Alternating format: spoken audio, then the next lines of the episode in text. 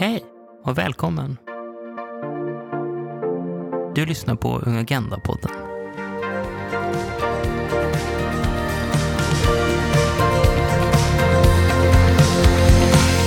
Hej allihopa och välkommen till, um, jag tror det är femte avsnittet. Och nu är vi tillbaka och pratar om EU. Och då har vi med oss Hanna och Elsie. Hej! Hej! Kul att vara här igen. Ja, sist så var ju Sofia Louise. Jag tänkte höra med er så här, om ni kan berätta hur, hur läget är och vad som har hänt sist uh, ni var med på podden. Ja, vad har hänt sen sist? Vi har jobbat vidare, eh, eller vad säger du Elsie, med eh, EUs ungdomsdialog med, med olika saker. Allt möjligt egentligen. Mycket interna möten. Nu preppar vi, eller börjar preppa i alla fall, för vår andra EU-konferens. Den andra ungdomskonferensen som går av stapeln i mitten på mars. Och eh, lite skrivande, lite poddinspelning. Vad skulle du säga Elsie? Jo, um, det, det, blir ju mycket interna möten och förberedelser och, och prata med, med olika um, organisationer och, och, människor samarbetar runt olika politiska frågor. Så att det är jättespännande och, och superlärorikt. Men eh, det är väldigt intensivt. Men det är kul framför allt, så att det, det är okej. Okay. Vi har ju liksom pratat jättemycket om EU och ni är ju EU-ungdomsrepresentanter. Men vi har liksom inte pratat om vad är EU? Och för att förstå EU så har vi med oss en gäst här, Louise Grabo. Välkommen! Tack! Vem är du? Vad gör du? Ja, vad har jag med EU att göra? Liksom? Ja, verkligen. uh, ja, men jag kan börja med att säga att jag hade det fina uppdraget som Elsie och Hanna hade. Uh, för några år sedan, 2017-2018, så var jag EU-rep. Och uh, jag gör massa olika saker. men i den rollen jag är här nu så är jag svensk representant, eller LSUs representant till Europeiska ekonomiska sociala kommittén som är ett rådgivande organ till eh, de olika EU-institutionerna. Ehm, och det har jag gjort sedan i oktober egentligen. Eh, och eh, det är ett femårsbaserat uppdrag. Så det är ett väldigt stort uppdrag som betyder väldigt, väldigt mycket. Jag antar att jag kommer gå in lite mer på det sen. Men det gör jag bland annat Eh, till vardags så jobbar jag som eh, generalsekreterare för en, en förening för fintechföretag, så lite inom techbranschen. Jag har en bakgrund inom ett politiskt ungdomsförbund där jag har varit ordförande, eller vice ordförande för Centerpartiets ungdomsförbund. Och just nu så är jag också aktiv i andra delar av civilsamhället där jag är ordförande för Maktsalongen. Så det är väl lite vad jag gör i alla fall. Jag kan ju också säga att vi brukar ju ofta referera till eh, dig Louise och den som du eh, jag tänker till EU-rep-uppdraget som du hade 2017-2018 tillsammans med eh, Jakob. Ehm, för att ni var ju också med och formade de ungdomsmål som jag och Elsie jobbar med nu. Så det var en viktig tid för EUs ungdomsdialog som vi ofta refererar tillbaka när vi har olika möten. Så brukar vi nämna era namn. Ja, jag lyssnade faktiskt ja. på första podden eh, som ni gjorde och då hörde jag att ni refererade till dig Jakob. Så det kändes ändå Snyggt. stort faktiskt. Ja, vi, vi eh, liksom inte, inte bara i ungdomsdialogen så um, men när jag sen också blev engagerad i, i Centerpartiets ungdomsförbund så var Louise en av um, de stora namnen där. Så att på en av mina första event uh, så var Louise där och pratade om EU.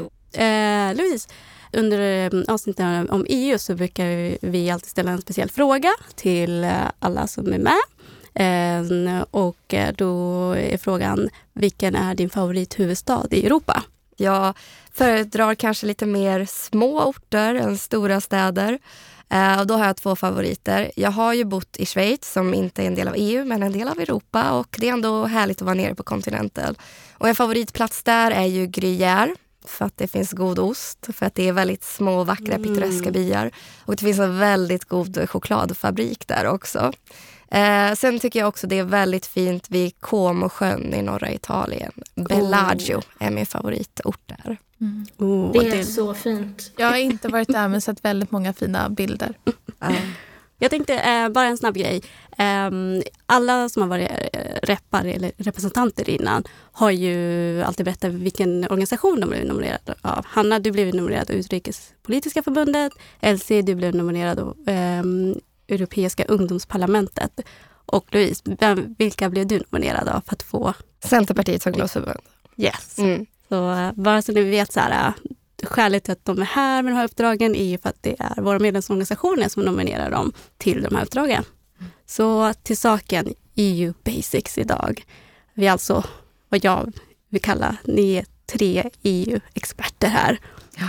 Jag vet inte med det, men jag tror Elsie och Louise i alla fall. Jag vet inte, vi också Hanna. Du kan ju allt om säkerhets och försvarspolitik. Ja. ja. Ska jag börja prata om försvarspolitik här då? Jag tar, jag tar det nu. Eller? nej, nej. nej, jag skippar det. Vi byter tema helt. Helt tema. Men kan ni liksom, varför är EU intressant? För att en väldigt stor andel av alla beslut som tas i EU påverkar oss direkt i vår vardag. Eh, alla beslut som sker på kommunal nivå Eh, är på ett eller annat sätt också påverkade av EU-lagstiftning. Så även om vi inte tänker på det i vår vardag så, så spelar det väldigt stor roll vad som händer i Bryssel. Ehm, det är väl det korta svaret. Jag kan väl lägga till ehm, ja, men precis det du sa Louise, men också alla möjligheter som finns genom EU-samarbetet. Inte minst att man kan eh, bo, studera och jobba enkelt i ett annat EU-land. Om man tänker för unga och studenters möjligheter så är Erasmus plus-programmet. Jag var själv utbytesstudent eh, i Storbritannien ett halvår fick till och med liksom extra pengar för det genom Erasmus-stipendium. Men också som, så här, ja, men, som ofta EU-kommissionen vill lyfta fram free eh, data roaming. Men ja, det är en stor, mm. stor sak och, och, många möjligheter genom eh, ett EU-medlemskap. Mm. Jag kan ju säga att det här podcastavsnittet spelas in tack vare EUs data roaming-grej. För jag, mitt internet suger så att jag har på min data, data roaming och jag är i Amsterdam. Och jag har fortfarande liksom ett svenskt abonnemang även om jag har bott här i ett och ett halvt år. Det finns ju ingen anledning att byta. Um, så att ja, tack EU. Um, ehm, men jag har också haft en väldigt, liksom, varför EU har betytt mycket för mig rent som en del av min identitet skulle man kunna säga. För min mamma är ju då från Storbritannien och kunde flytta till Sverige på grund av eh, fri rörlighet och liknande. Jag bor nu i, i Amsterdam och pluggar så att Ehm, mycket av de delarna av hur, varför mitt liv ser ut som det gör är för de friheterna jag har fått ehm, från, från EU. Om man bara tänker liksom hur hade den här väldigt krigshärjade kontinenten sett ut ehm, om man inte kunde röra sig fritt och köpa från alla olika länder och att, vi, att vi knyter ihop länderna som vi gör. Så att ur, ur en lite mer så här meta, um, känslomässig aspekt så är det väldigt häftigt att se um, vad man kan göra när man kommer tillsammans med, med så många olika länder. Ja, så det finns ju liksom både, alltså ni, ni hör liksom goda exempel liksom varför EU är intressant. Men i praktiken så är det väldigt liksom, Eh, stora utmaningar med EU. Liksom. Det finns en väldigt låg kännedom om EU och eh, institutionerna i EU, också med relationen det nationella. Eh, jag märkte själv när jag jobbade med Europaparlamentsvalet, eller LSUs mak Makten i din kampanj, som var riktad mot unga, att det var inte många som var superintresserade. Liksom. Och vi ser också i valresultatet att det är inte lika många unga eller vuxna som röstar till Europaparlamentsvalet så som till de nationella valen. Liksom. Så min fråga är liksom, varför borde fler liksom känna till EU? Liksom? Och eh, eh, vad för relation har vi liksom som medborgare till EU? Hur kan vi liksom förbättra den eh, relationen? Hur, hur tänker ni? Kör, ta den. Jag eh, ja, men den första frågan, varför fler borde känna till eh, mm. EU. Nej, men jag kan väl bara liksom egentligen repetera det Louise sa, för att EU har en stor betydelse. Eh, det finns många politikområden där, där faktiskt EU bestämmer eh, helt själv kan man säga. Inte minst liksom handelspolitiken och konkurrenspolitiken, alltså olika regler för, eh, för eh, vilka ja, men, tullar och så vidare som man, får, som man får sätta upp. Gemensamma spelregler som underlättar. Eh, och, eh, men också som, som Elsie sa, den, den gemensamma ehm, identiteten och, och med det alla möjligheter som, som finns. Ehm, jag tycker att eh, ja, Sverige och liksom all, alla som bor i Sverige har, har, mycket att, eh, har mycket kvar i att skapa en relation till EU. Och det främsta är väl kanske att, eh, att resa och bo i andra länder men också att, att lära sig mer om det. Eh, skolan har en viktig roll, men också media, men också i allmänhet. Liksom hur vi pratar om EU-samarbete, men kanske framförallt politikområden kopplat till, till EU. Då. Man kan ju säga att eftersom EU har så mycket makt i våra liv så måste man ju granska EU och hålla våra makthavare liksom till svars för de beslut som de tar. Och det kan inte vi göra på ett effektivt sätt om, om folk inte förstår um, och har bra insyn i hur EU funkar och um, de mekanismer och institutioner som, som finns. Um, så att det är i grund och botten en demokratifråga. Um, om vi ska kunna ha liksom en hälsosam och liksom blomstrande eh, demokrati så, så gäller det att man också förstår hur den funkar. Men jag vill lite försvara de människorna som då kanske inte går och röstar i EU-valet. För att det är inte så himla lätt. Eh, jag har liksom pluggat min eh, kandidat i European Studies och jag har liksom ett stort intresse i EU-frågor. Men ändå är det, det är väldigt byråkratiskt. Det är många olika institutioner och det är svårt att förstå liksom hur går ett lagförslag från liksom ett förslag till att faktiskt gälla i Sverige. Och Jag kan ta som ett exempel att det, den institutionen där jag liksom är vald till, eh, som man knappt har hört talas om liksom, ESK kallas den. Eh, det sitter i samma hus som regionkommittén, den kanske man har hört talas om. Men bara de två institutionerna har 1300 personer som är anställda. Och det är liksom bara de två institutionerna. Så om man slår ihop alla institutioner och hur många som liksom arbetar praktiskt dagligen med EU-politik och EUs olika institutioner så är det otroligt stort. Så att det är också svårt att förstå och som Hanna var inne på tidigare så är det jätteviktigt att vi har journalister som faktiskt är nere i Bryssel och bevakar ja, men vad, vad gör våra parlamentariker där nere um, och så vidare. För att det är ganska enkelt ändå som svensk Europaparlamentariker att man sitter där nere och så kan man skriva en debattartikel och så här, jag jobbar för det här. Fast vad gör de praktiskt i den frågan? Det är ganska många parlamentariker och man kan lätt glida undan utan att kanske göra så mycket. Och då måste vi ha liksom en befolkning som kan mycket och vågar fråga och ifrågasätta dem. Men också journalister som bevakar och granskar. Ja, jag håller med där. Alltså det blir väldigt lätt, även om man följer kanske EU-parlamentarikers arbete så blir det ofta så här, jag jobbar för klimatet, jag jobbar med EUs jordbruksstöd, jag jobbar för att make EU lagom again. Nu, nu mm. förenklar jag, men, men det, man kommer ofta undan och, och, där har ju medierna en, en viktig roll att ställa de tuffa frågorna. Man brukar ofta jämföra, det kanske är lite eh, fult att säga, men hur många korrespondenter Sverige har i jämförelse med hur många andra, eller vad andra länder har mm. eh, i antal. Och, och där eh, ligger Sverige på, på efterkälken. Mm.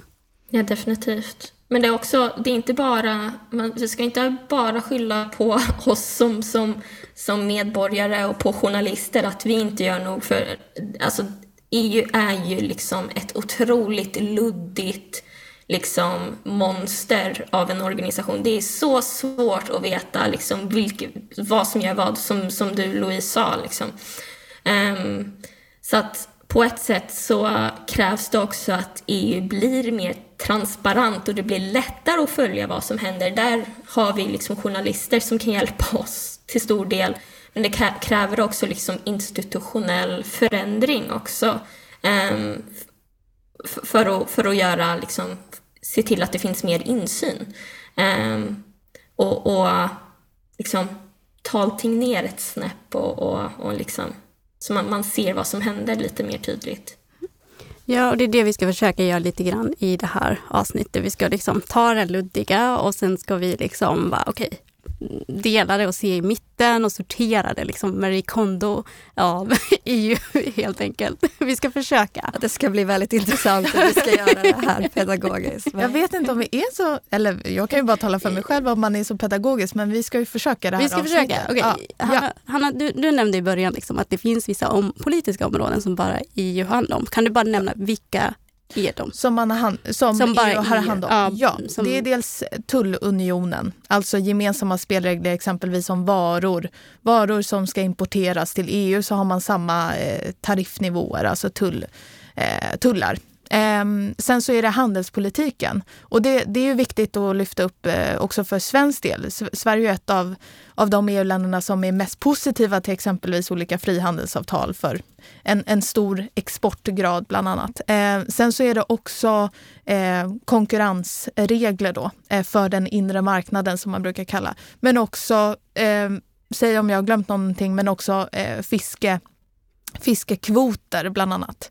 Eh, och det var en fråga som man kanske har sett i nyheterna under de här brexitförhandlingarna, att man, man var ganska, eller man var inte överens där, Storbritannien och EU, hur man skulle göra, eh, exempelvis fiskarter och hur mycket man får, får ta upp och så vidare. Eh, har jag glömt någonting? Av det? Ja, jordbrukspolitik Jo, är just det, ju en jordbruk. stor del av budgeten. Ja, Man har det är det. dock dragit ner på det lite nu.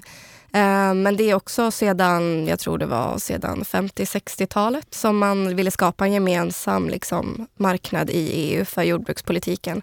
Så det, det är ett stort område. Eh, Men man kan väl också säga att några områden som inte EU lagstiftar om, så det kanske blir lite tydligare, Mm. är till exempel skatteområdet, att vi inte har gemensam skattepolitik. Eh, och också mycket sociala frågor som ligger på nationell nivå när det kommer till, ja men kopplat till arbetsmarknaden på olika sätt eller socialförsäkringar och sånt. Eh, så det kan väl vara för att göra det lite tydligare. Mm. Elsie, vad säger du? Jo, det finns ju egentligen tre olika liksom, typer av områden, politiska områden. Så det finns de där EU har ensam beslutsrätt, eh, vilket är typ handel. Eh, Sen har man de där det är, jag kommer inte ihåg vad den mittersta gruppen heter, men där kan EU lägga eh, minimum och typ maximum liksom, den kan ge ett spann på vart medlemsstaterna ska hålla sig ungefär. Och sen finns det tredje em, spalten så att säga, där de kan ge rekommendationer, men inte mycket annat. Em, precis. Typ ungdomspolitiken som vi jobbar Mm. mycket med. Är det bara rekommendera? Mm. En, en annan grej jag tänkte på som ni nämnde i början, det var ju det här med institutioner. Och det är ju ett stort begrepp. eh, Så vi ska försöka liksom förklara det här. Eh, jag brukar typ säga, om man ska förstå institutioner i den här typen av em, typ EU eller eh, regeringens institutioner, då är det liksom form av myndigheter. Alltså är det rätt eller eh, Nej. är jag ute och cyklar? För att det finns väldigt många andra myndigheter eller agencies som finns utspridda runt om i EU. I Stockholm har ju en EU-myndighet som har varit eh, högt på agendan nu under coronapandemi. Eh, smittskyddsmyndigheten eh, bland annat. Så, så det finns väldigt många myndigheter som, är ganska, som inte är så ja, kända. Eh, jag tror att det är många som inte visste att, eh, att den myndigheten låg i, i Solna utanför Stockholm. Men eh, institutioner, finns det något annat ord som liksom sammanfaller? Man, organ brukar man kanske Ja, det kalla det. Ja. Mm. Jag vet inte. Ja, Ja, men om du som lyssnar, om du kommer på ett bättre begrepp, eh, mejla mig på lsu.se. Mycket av mitt jobb handlar ju om typ så här, förklara de här stora politiska mm, processerna och begreppen så att det blir lätt att förstå så att människor liksom förstår vikten av att gå och rösta. Liksom, eh, så att man inte ska tycka att det är så främmande med de här orden och typ säga så här, det är läskigt liksom, och bli rädd för det. Ja, ehm, ja, men jag tänkte på det ESK. Det är ju en institution. Mm. Vad, vad gör de och vad gör du, du liksom, Louise i ditt arbete med det? Ja, det är ett rådgivande organ till eh, kommissionen eh, och parlamentet och ministerrådet. Ehm, så vi kan säga att, eller ja, så vi skriver yttranden på lagförslag. Så lite som en remissinstans kanske vi skulle säga här i Sverige, fast det är mer strukturerat. Ehm, och Eh, den här grundades 1958, så det är en anrik institution. um, och eh, representerar ja, egentligen civilsamhället, det europeiska civilsamhället. Och det finns eh, tre grupper Den första gruppen representerar arbetstagarorganisationerna. Eh, den andra gruppen representerar arbetsgivarorganisationerna och sen den tredje gruppen representerar civilsamhället. Så från Sverige är vi 12 representanter och sammanlagt är det 329 ledamöter. Um, och från, ja, för att ge lite förslag, eller liksom lite exempel för mm. att förstå, så i Sverige, från Sverige så har man till exempel representant från Svenskt Näringsliv, man har också representant från LO, eh, också bland civilsamhällesorganisationerna så är det då LSU. Men det är också, eh, det är, nu ska vi se, jag blandar ihop PRO, SPF, ja men det är PRO, PRO, ja, PRO. och eh, eh, Svenska kyrkan och någon mer. Då. Um, så vi har i uppgift att liksom representera liksom hela unionen egentligen. Men såklart representerar vi främst Sverige och liksom våra, um, ja, våra frågor. Så jag representerar främst Sveriges unga. Um, och I den här kommittén så har vi då olika sektioner för olika sakområden. och jag sitter i INT som är den för inre marknaden och uh, så sitter jag i REX som är eh, externa relationer, alltså ja, relationer med länder utanför EU och också i viss mån utrikespolitik kan man säga. Um, ja, sen har vi också observatories. Jag vet inte riktigt vad begreppet är på svenska. Kanske undergrupper eller mm. arbetsgrupper. Uh, där jag är ordförande för en uh, grupp som uh, arbetar med digitalisering och ja, utvecklingen av den inre marknaden. Eh, vilket är väldigt kul. Eh, ja, men det är fortfarande en upplärningsprocess. Jag har aldrig varit i Bryssel än, sen jag började det här uppdraget. Och jag har inte träffat någon av mina eh, 328 kollegor. Eh, så att det, det är väldigt speciellt. Eh, men det funkar ändå ganska bra. Vi har ju väldigt professionella så här, plattformar som de andra institutionerna också har, där det är direktöversättning på många språk så att eh, om jag vill kan jag ibland prata svenska på mötena. Eh, men oftast håller jag mig till engelska. Men det är mycket franska och spanska och tyska och så. Så det är väldigt spännande. Får jag ställa en fråga? Är det, tycker du det är svårt? För jag tänker det måste ju vara sådana tekniska frågor som man måste liksom grotta ner sig i och framförallt digitaliseringsområdet. Nu jobbar ju du mycket med det med fintech men jag, en av mina första uppgifter, jag vet inte riktigt hur jag fick det, men jag blev rapportör för ett eh, område som heter HPC, alltså High Performance Computing. Ja, ni hör ju själva, men det handlar om så superdatorer och forskning. Och jag hade ingen aning om vad det betydde och jag vet inte ens hur jag blev det, men jag blev på något sätt framröstad och var liksom rapportör där. Eh, men vi har ju väldigt bra liksom, personal och jag fick också ta in en expert som kan hjälpa till. Um, så att jag har försökt väldigt mycket ta hjälp av andra när det är saker jag inte kan, speciellt från de andra svenska ledamöterna och så.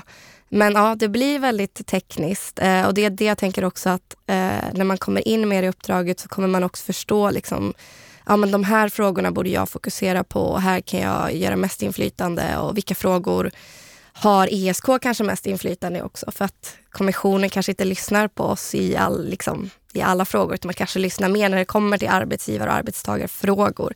Um, ja, så det är fortfarande under upplärning som ni hör.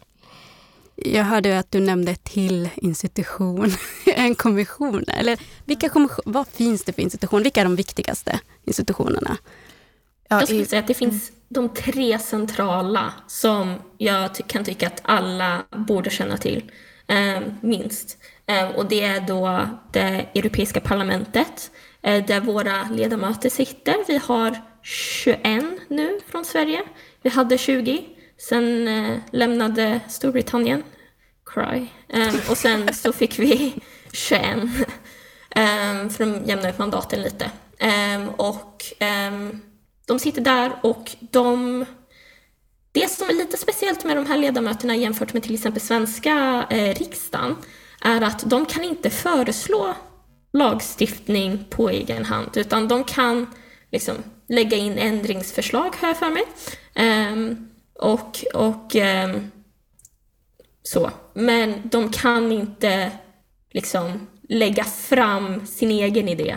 Eh, de kan bara ändra på andras. Och då kan man tänka, vem är det som lägger fram då? För liksom, de måste ju rösta på någonting. Um, och då är det då Europeiska kommissionen. Och man kan säga att det är lite som EUs regering. Um, Så där sitter en massa kommissionärer.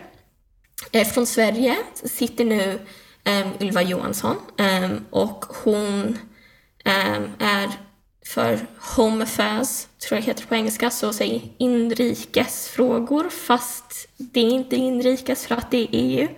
Um, väldigt skum väldigt skum. position.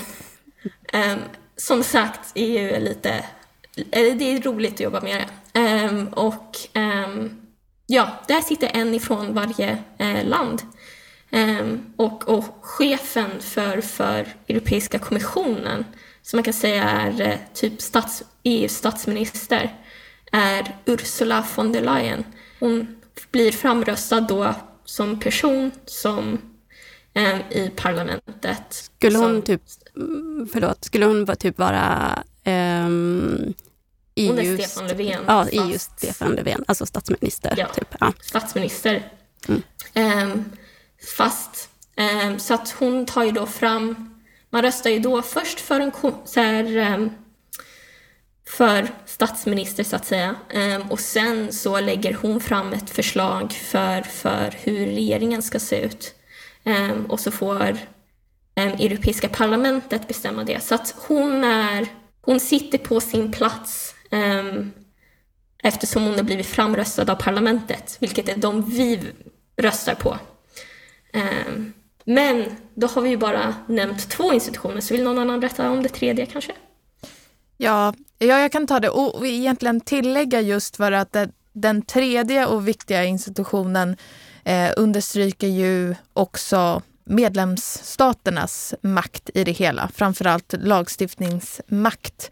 Eh, och det är då Europeiska unionens råd som förkortas ministerrådet och det är det som man brukar se i tidningar exempelvis. Och där är det ju eh, Sverige, eller för Sveriges del så är det ju eh, Sveriges ministrar som eh, antingen åker ner till Bryssel eller har, har möten digitalt numera då eh, utifrån olika politiska områden. Så det, det, in, det är liksom olika eh, indelningar beroende på sakområde helt enkelt. Och beroende på sakområde åker ju den, eh, den tillhörande ministern från Sverige eh, och beslutar.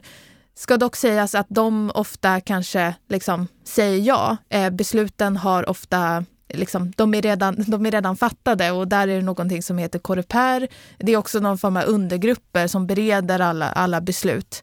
Eh, och ministerrådet fattar ju beslut, alltså lagstiftnings, eh, lagstiftningsbeslut då tillsammans med eh, EU-parlamentet. Eh, ja, och sen ska vi säga också, kan väl tillägga också att medlemsländerna har ju en väldigt stor makt, skulle jag säga också utnämningen Ehm, just med kommissionen. Jag vet att med hela Ursula von der Leyen att där ville ju parlamentet ha mer makt här för några år sedan. Att man hade den här spitsenkandidaten, alltså den ordförande för den största partigruppen i EU-parlamentet. Men där gick ju medlemsländerna förbi lite och valde den kandidat som alla kunde enas och kompromissa fram. Ehm, så medlemsländerna hade en stor makt i, i den processen och är väl de som vill kanske dra tillbaka kommissionen lite, som ofta vill säga president och liksom jämföra sig med eh, kanske samma roll som finns eh, på andra sidan Atlanten i USA. Men de brukar kalla liksom Ursula von der, von der Leyen administration och, och så vidare. Vilket inte är fel, men, eh, men det, det, är roligt att ha den jämförelsen. Mm.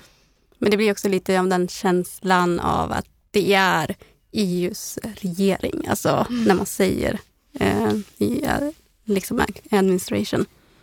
Det eh, funkar ju till stor del som en regering. Det som är lite spännande dock och ska läggas till vad det gäller eh, rådet eller ministerrådet, det är att alla måste vara överens i ministerrådet på vissa särskilda frågor eh, specifikt. Och då, det kan bli lite knöligt, till exempel när, när det gick lite vilt till i, i Belarus i början på eh, året och så. Eh, och nu är det ju 2021, men i 2020 började det, um, sex månader sedan ungefär, då, um, då, kunde, då vägrade Cypern, tror jag det var, um, lägga sanktioner mot Belarus även om alla andra länder var överens. Så då låg det um, på bordet ett tag och det är också därför det ibland lite svårt med länder som Polen och Ungern. För att alla måste vara överens och då, då kan de skydda varandra ehm, och vara lite kompis-kompis. Även om det kanske inte är bästa för unionen i alla avseenden. Louise, du jobbar ju redan i en institution, men du jobbar säkert mot de andra institutionerna, eller hur? Eller eh, jobbar du bara enbart i din liksom, ESK? Ja, vi är ju väldigt beroende av de andra institutionerna och eh, Eh, i till exempel det här observatoriet, den här arbetsgruppen där jag, som jag leder, så har vi som mål att under de här kommande, för jag är vald på två och ett halvt år just till den här posten, Eh, att knyta närmare kontakt med både kommissionen och parlamentet. För att även om vi påverkar via de här remissvaren vi skriver så kan man ju också påverka på andra sätt genom att kanske direkt ha kontakt in på kommissionen och prata med folk som arbetar där och lyfta frågor redan, redan i tidigare skede för att de ska ha med det när de liksom stiftar lagarna. Um, så vi har liksom, ja, vi ska ha ett möte här om ett par veckor då vi fokuserar på AI och då har vi bjudit in eh, representanter både från kommissionen och parlamentet för att liksom knyta kontakter där också.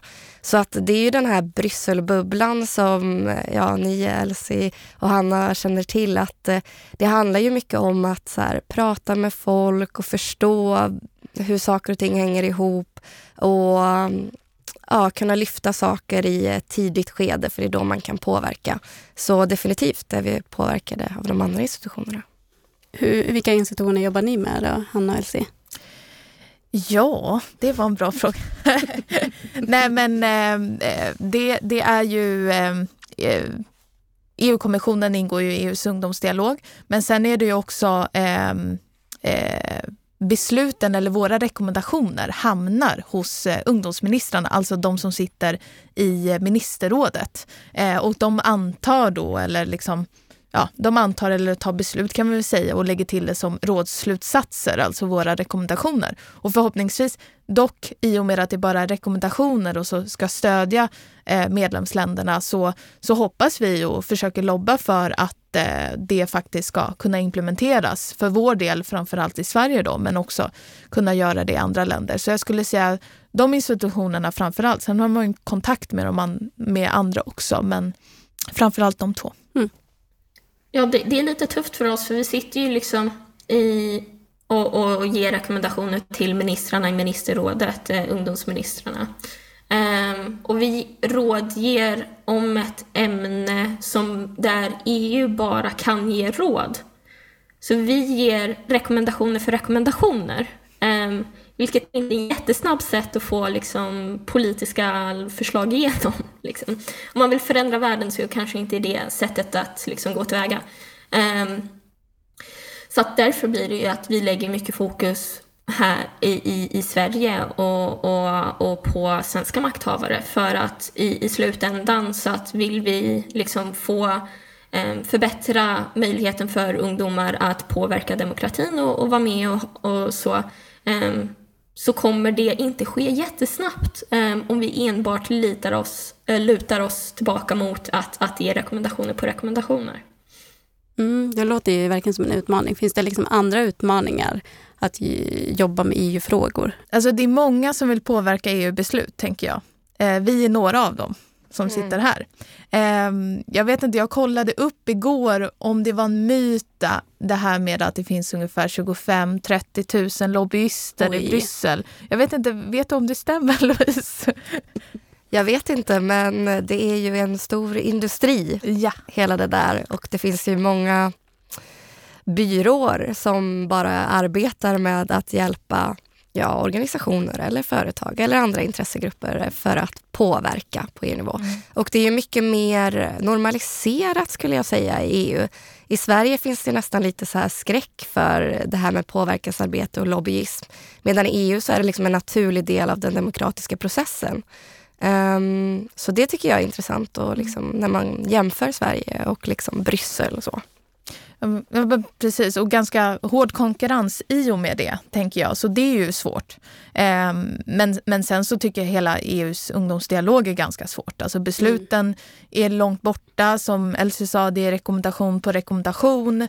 Ehm, när får vi se Eh, en skillnad en reell skillnad. Det det vi eh, diskuterar med de andra EU-repparna. Så det kan ju kännas eh, lite, lite svårt och omöjligt ibland. Men eh, man får nog hitta ingångar eh, på olika sätt.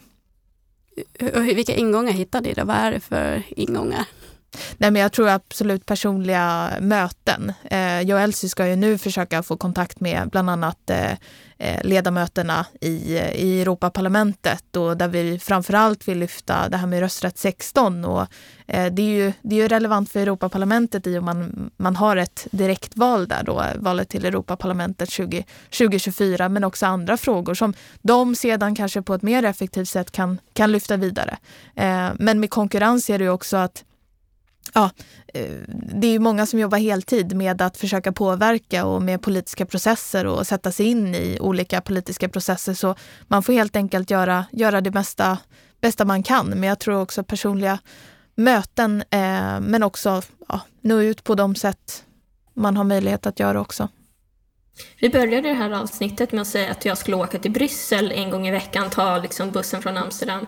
Um, och det finns ju liksom, det finns definitivt liksom, det är ju delvis ett skämt, men det är också, finns, finns en viss allvar till det. Just att, att det här personliga relationer och personliga möten med eh, makthavare och, och kunna liksom titta in dem i ögonen och säga snälla kan ni fixa det här?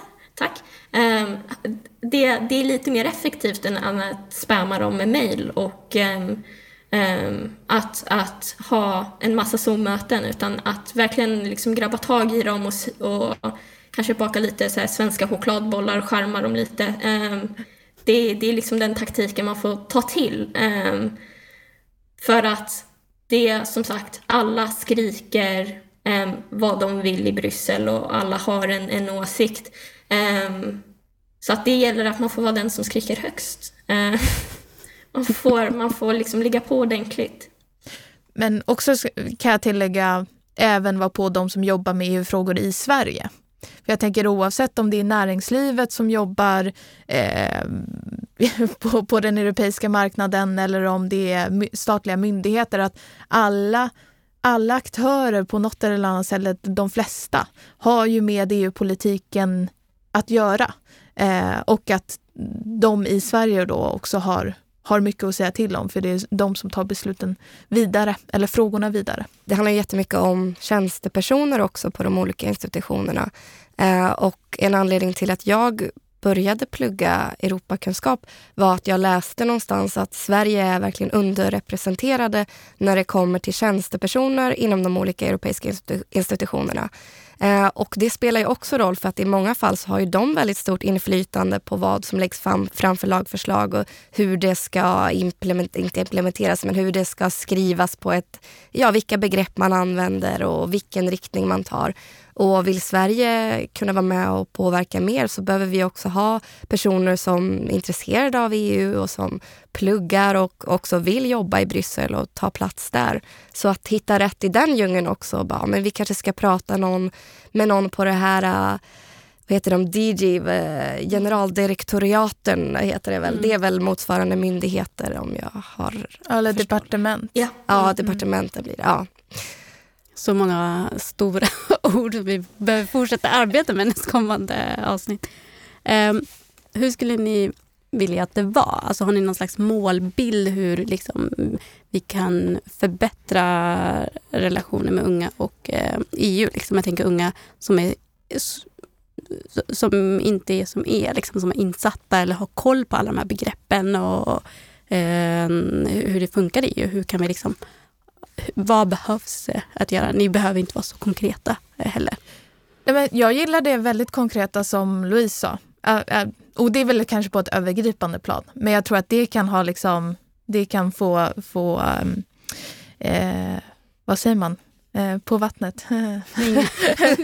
Ringar, i vattnet. Ringar, på, ringar på vattnet. Eh, nu glömde jag uttrycket. Eh, nej men just att fler måste jobba inom EUs institutioner. Eh, Sverige är jättedåliga på det, eh, men det finns ju ehm, ja, eh, alltså det finns information att få, bland annat UOR, Universitet och högskolerådet, har jättemycket information om hur man kan gå tillväga för att kunna börja jobba inom en EU-institution.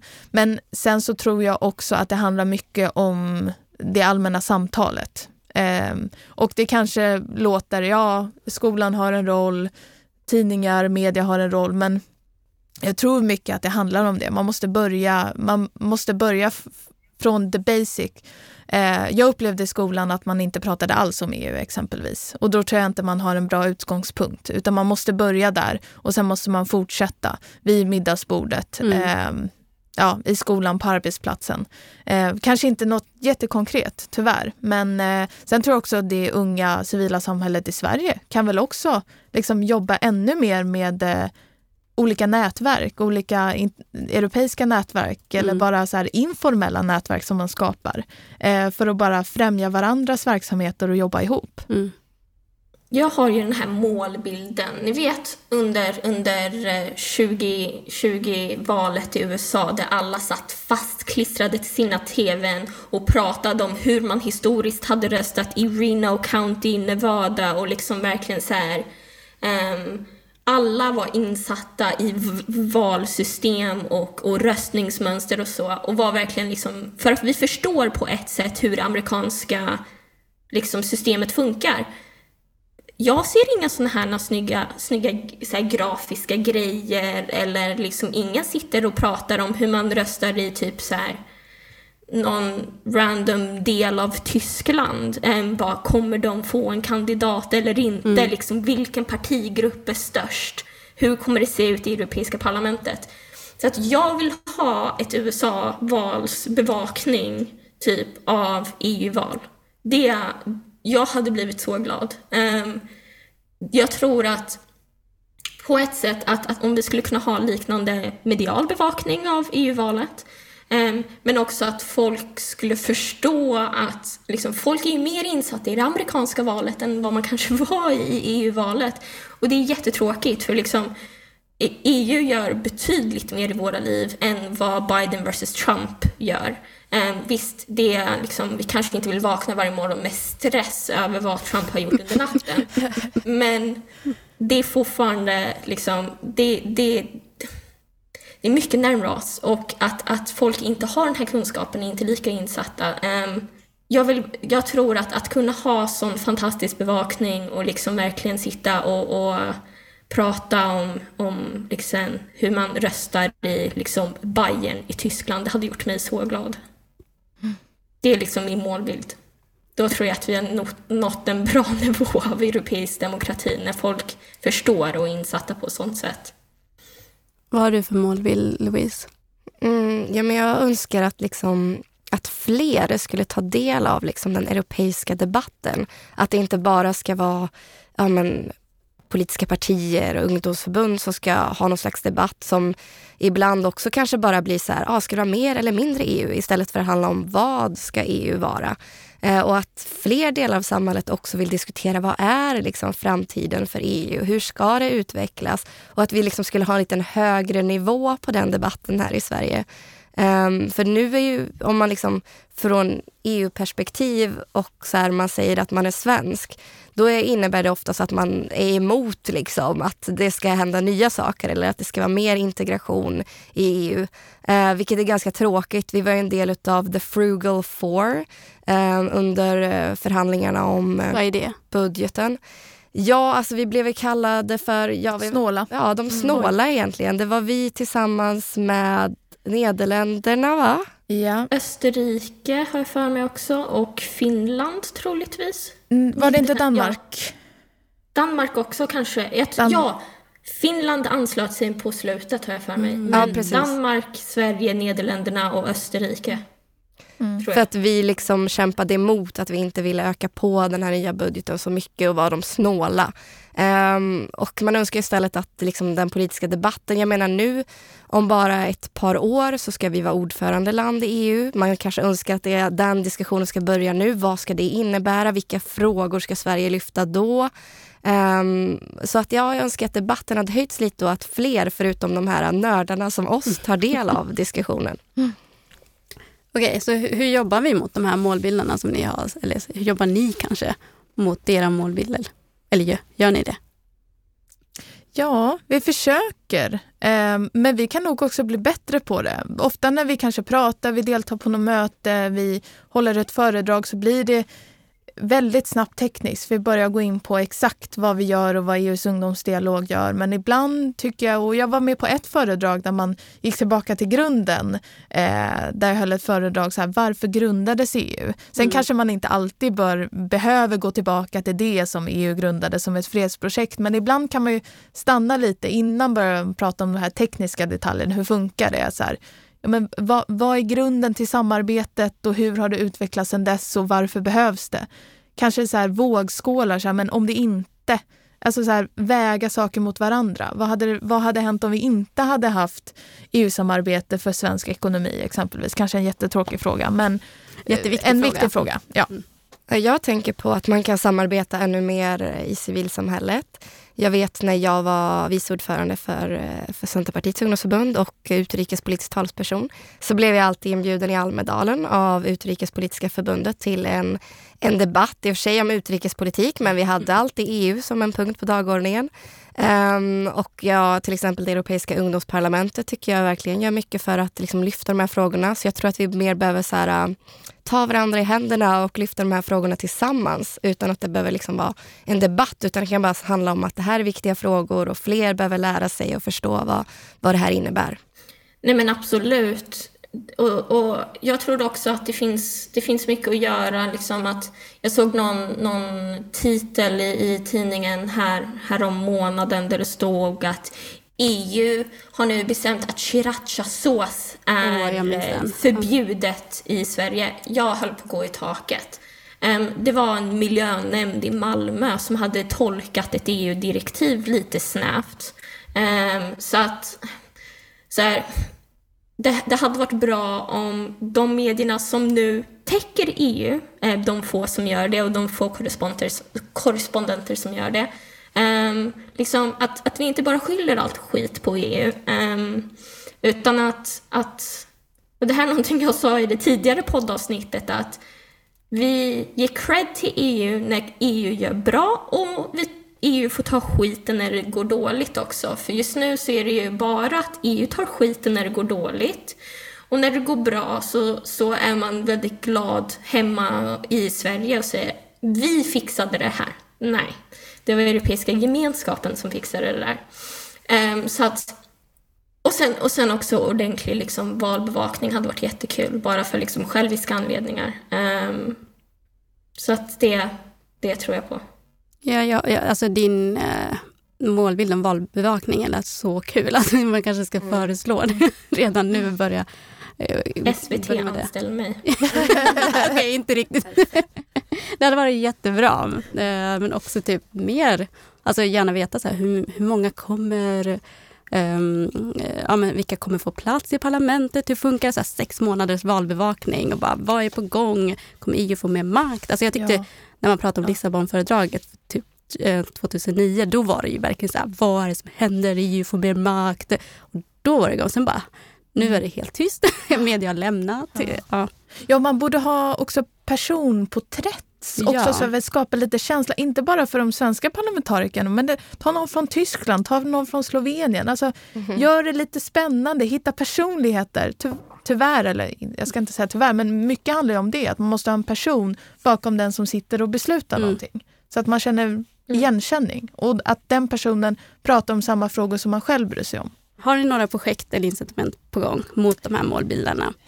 Ja, men indirekt skulle jag säga. Kanske inte direkt, men det är jättemånga organisationer som jobbar med olika projekt. Eh, med olika EU-projekt. Och vi är ju del av ett EU-projekt också ska sägas. Men det, det, finns väldigt mycket mer att göra, eh, skulle jag säga.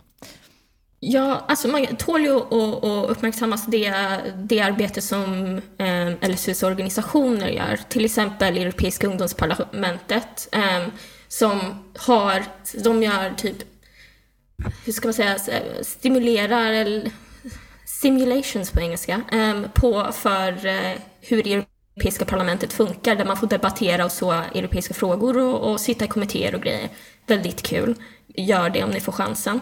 Eh, men sen är det också att, att ha, som Hanna kommer ifrån Utrikespolitiska förbundet också, som också pratar om utrikesfrågor och EU-frågor, så att det liksom det finns forum att diskutera det här, så att det är ju stödja de organisationerna. Sen lobbar jag också för, för att bli anställd av SVT så att vi kan få bra valbevakning.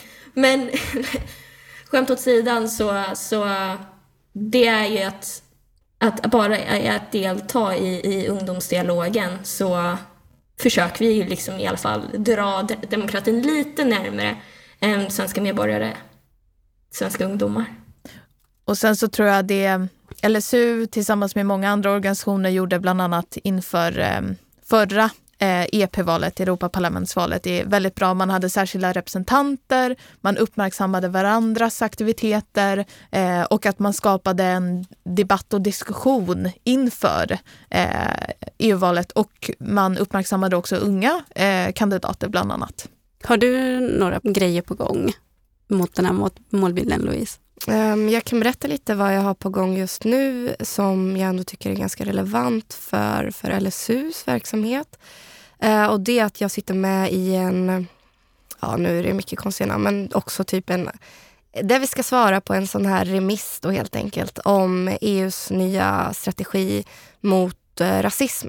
Oh. Um, och det är ett väldigt stort arbete där jag är en utav, jag tror vi kanske är runt tio personer från kommittén som ska då liksom svara på ESKs eh, yttrande om den här, eh, ja, den här eh, strategin eller vad det nu kallas. Eh, så det är väldigt intressant och jag har kontakt med personer på, på kansliet och liksom ansvariga i styrelsen och sånt. Så att det här mm. är någonting som jag kommer arbeta med en del framöver. Coolt. Vad händer sen då med den strategin efter du har lämnat ditt yttrande? Ja, då hoppas vi att EU-kommissionen tittar på den och säger oj, det här var bra, det här ska vi ta till mm. oss. Och så när de lägger fram det så har vi också varit med och eh, påverkat. Mm. Yes, så bra. Eh, Spännande. Ja. ja, nu är det dags för en liten wrap-up. Jag tror vi, vi försökte i alla fall i Marie Kondo av EU. Eh, jag hoppas att du som har lyssnat har liksom förstått det här med EU, kanske är mer intresserad och har några frågor i detaljerna så alltså, hör av er till eh, Louise, Elsie och Hanna. Liksom. Så det, det, går inte liksom ta in vad allt EU gör på de här minuterna egentligen. Eh, vi måste prata om er också. Men jag tänker så här, kan ni säga tre saker som lyssnarna ska ta med sig för det här avsnittet? Eh, jag vill säga först något jättetråkigt. Men det är läs läs mer om EU, läs mer om mm. EU-politik, eh, få mer kunskap för att sen, eller parallellt med det, eh, engagera sig EU-frågor, olika EU-nätverk, eh, kanske egenskapade. Men sen vill jag också eh, säga jobba inom EUs institutioner, ta, ta vara på den möjligheten, läs på mer om det, men också eh, projekt genom Erasmus plus och studera utomlands om du har möjlighet. Oh, det låter bra. Har du några tre förslag Louise?